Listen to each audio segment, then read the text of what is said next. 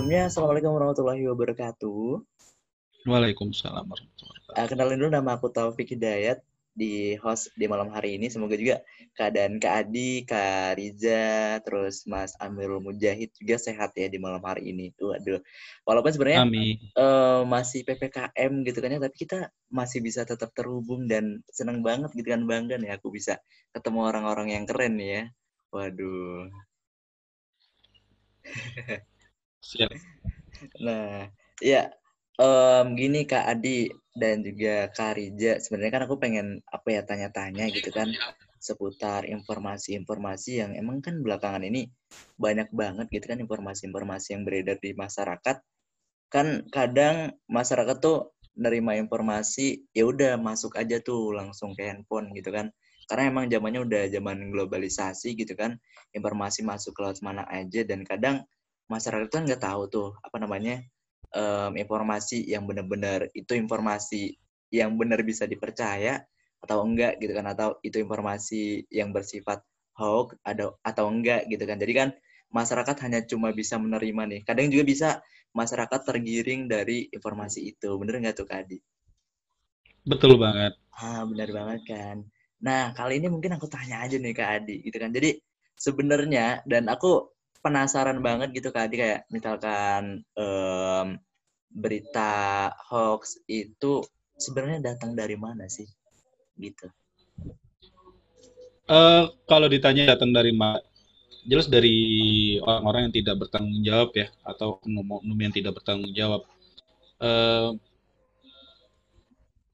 tujuannya juga pasti bukan untuk uh, kebaikan tentunya e, untuk merugikan masyarakat, membuat masyarakat takut, membuat perpecahan, e, juga dibiakai juga untuk kadang untuk provokasi dan lain-lain. Jadi memang benar-benar bukan bertujuan baik. Jadi kalau ditanya datang dari mana, jelas datang dari orang ataupun oknum yang tidak bertanggung jawab. Oh. Begitu. Oh, jadi kadang tuh ya Kak Adi kayak misalkan um, orang yang nggak tahu apa-apa kan kadang bingung gitu kan kadang. Informasi ini informasi benar apa enggak sih? Kita uh, sampai tanya-tanya gitu kan. Sampai tanya ke orang yang ada teman kita mungkin atau sampai tanya kayak orang yang benar-benar apa ngasih informasi itu gitu kan. Bah bahkan gitu kan ketika kita udah tanya dan benar-benar kita dapat datanya eh ternyata itu berita hoax gitu kan. Jadi kayak kesel dan geram banget gitu kan dengan berita hoax gitu kan jadi kalau menurut aku Kadi uh, dan juga pengen nanya sama Kadi nih. Terus misalkan uh, gimana sih cara kita kayak ngebatasin gitu kan berita hoax itu bisa kayak kesaring lah biar kita tuh bisa tahu gitu kan. Ini berita yang hoax yang mana, ini berita yang benar yang mana gitu.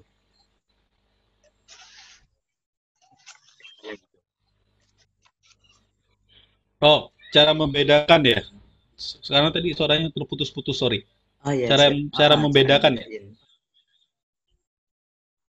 Iya, kalau cara membedain secara sederhana sih sebenarnya eh, kalau berita yang benar itu sumbernya jelas dan bisa dipertanggungjawabkan. Eh, kalau hmm. misalnya dia dari media misalnya, medianya adalah media yang eh, memang beneran ada. Eh, kalau di Indonesia itu media yang terdaftar di Dewan Pers. Itu salah satu syarat uh, media di Indonesia. Kalaupun dia misalnya dia mencatut nama lembaga ataupun nama tokoh, itu pun memang benar-benar berasal dari lembaga atau tokoh tersebut.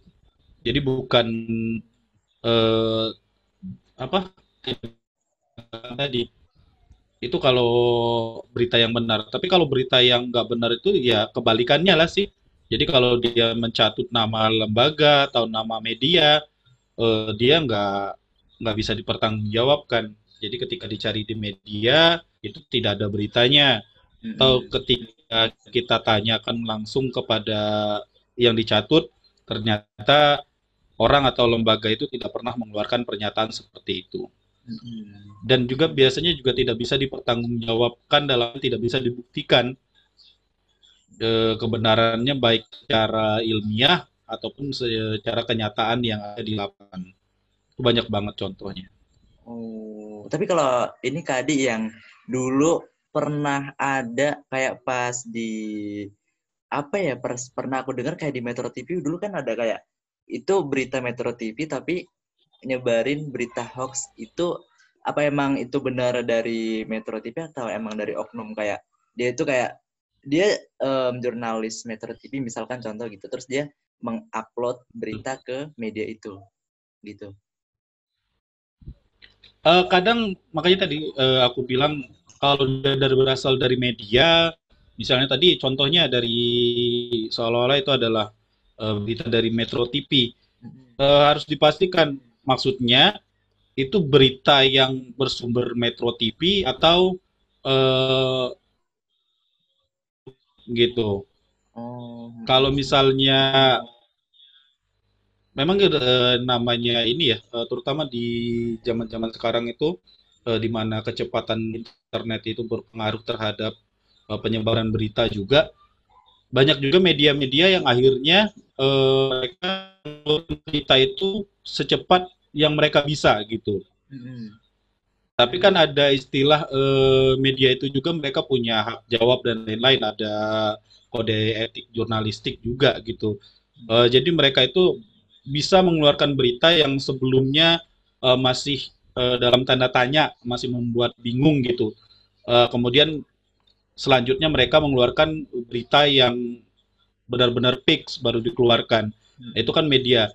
Uh, makanya berbeda dengan uh, teman-teman pemeriksa fakta. Kalau pemeriksa fakta itu itu benar-benar sekali ngeluarin artikel periksa fakta atau uh, keterangan itu memang benar-benar yang sudah harus uh, terbukti gitu.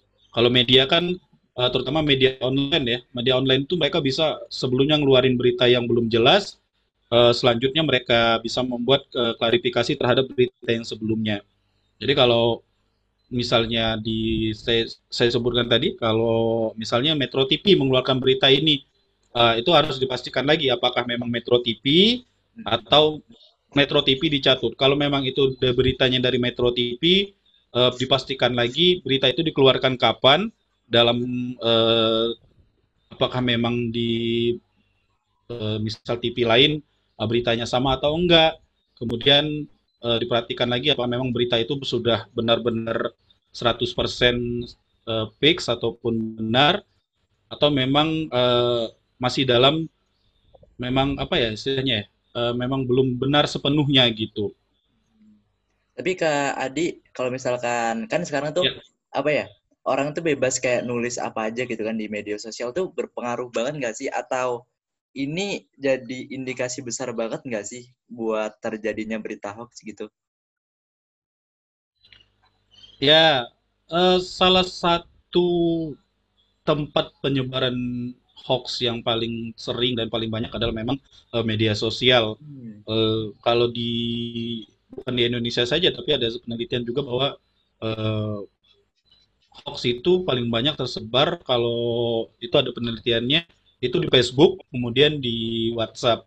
Nah, kenapa lebih banyak tersebar? Karena benar kata uh, Hidayat tadi bahwa orang sekarang itu bebas menulis apa saja, bebas mengunggah apa saja, uh, walaupun kadang sebenarnya itu bertentangan dengan hukum, uh, bukan hanya masalah hoax, tapi juga kejahatan cyber lain. Nah ini sangat berpengaruh tentunya. Jadi orang siapa aja sih, siapa aja bisa tiba-tiba bikin status seolah-olah itu adalah fakta, ternyata hoax gitu. Hmm. Jadi memang benar-benar berpengaruh sih. Uh, terus Kak Adi, kalau misalkan kita nih sebagai apa namanya um, pelaku media sosial gitu kan, melihat berita-berita hoax, misalkan kita awam banget nggak tahu informasi, apa sih yang harus kita lakuin ketika pertama kali gitu kita mendapetin sebuah berita atau informasi gitu biar kita ini nggak terjebak dalam berita hoax gitu Iya, yang pertama kali kita ketika kita menerima berita, uh, terutama kalau kita menerimanya di media online ataupun di media sosial, yang harus dilakukan adalah baca, uh, baca itu jangan cuma baca judulnya, tapi baca semuanya dari awal sampai akhir. Uh, jangan karena cuman baca judul kita akhirnya bikin kesimpulan sendiri. Nah, itu yang sering terjadi akhirnya uh, misinformasi terhadap sebuah uh, berita. Kemudian cari sumber beritanya, apakah memang benar-benar bisa dipertanggungjawabkan seperti yang saya sudah sebutkan tadi. Uh, kalau itu dari media, uh, pastikan di media lain apakah ada berita yang sama atau tidak. Uh, di radio, di TV, di koran ataupun di media online lain. Kalau ragu, uh, terutama kalau kita dapatnya di kayak di grup WA ataupun di media sosial, kalau ragu ya udah jangan diterusin, cukup diberhenti di kita aja. Jadi kalaupun itu berita hoax, ya udah berhentinya di kita gitu.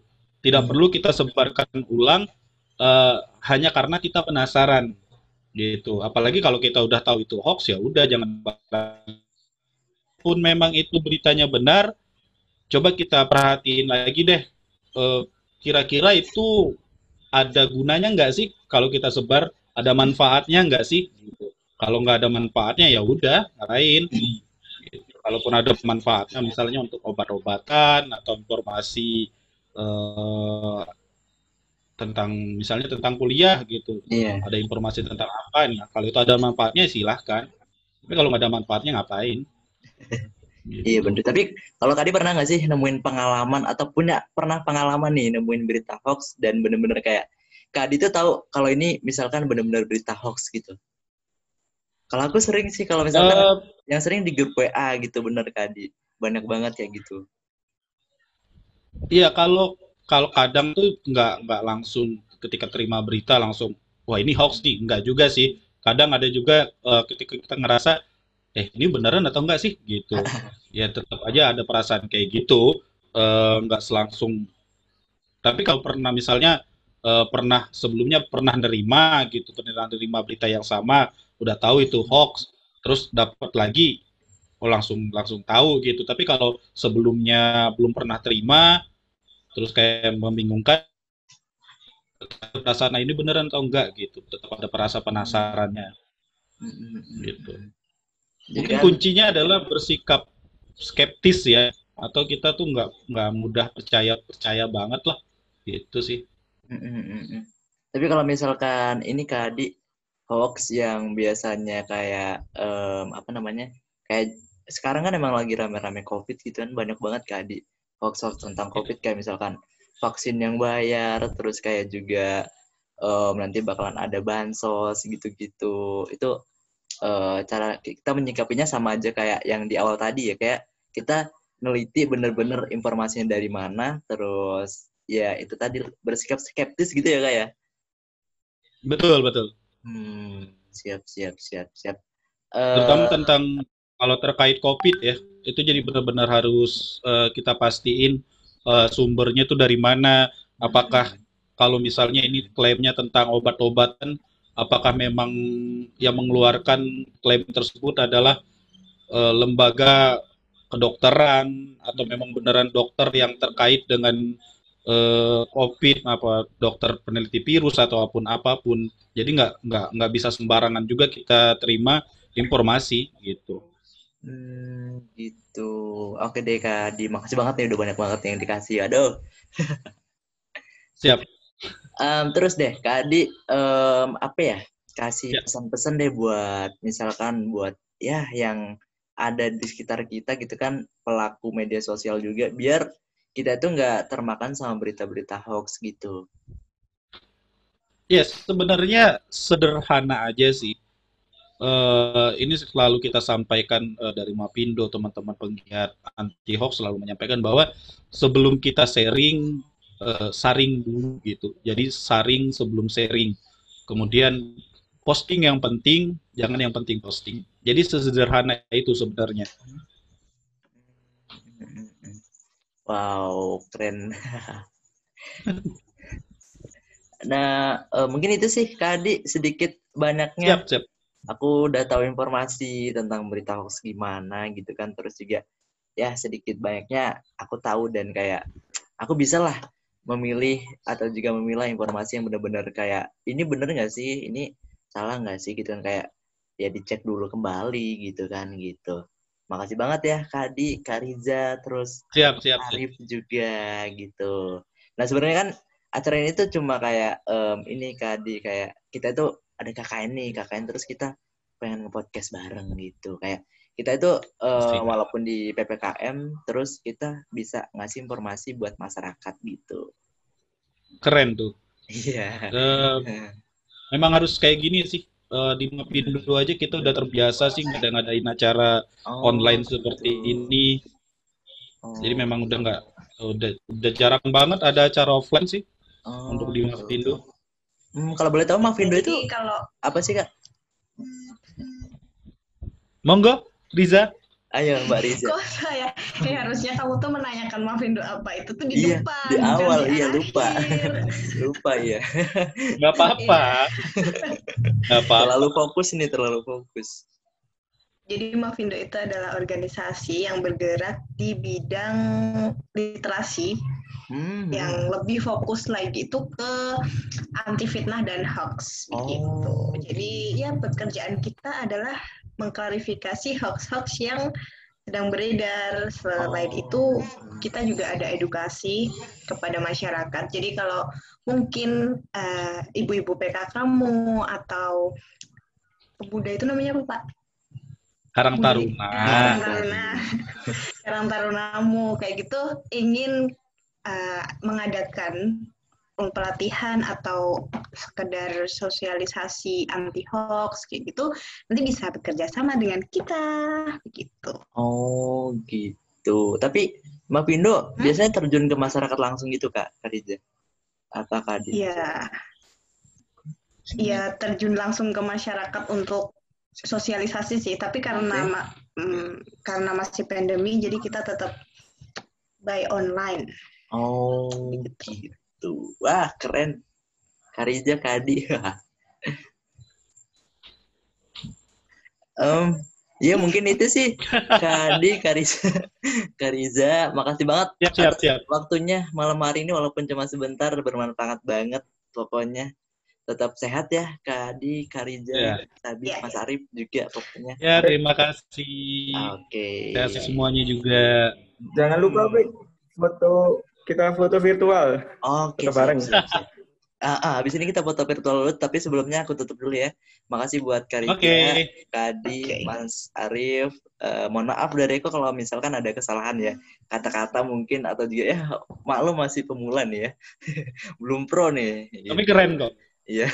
Semangat ya. Siap. Oke, kita foto dulu ya, Karif, Kak. Oke. Okay. Yuk. Siap. Ayo posenya pose yuk. Ntar, aku nge-like enggak sih? Enggak, enggak aman. Aman. Yuk, satu, dua, tiga.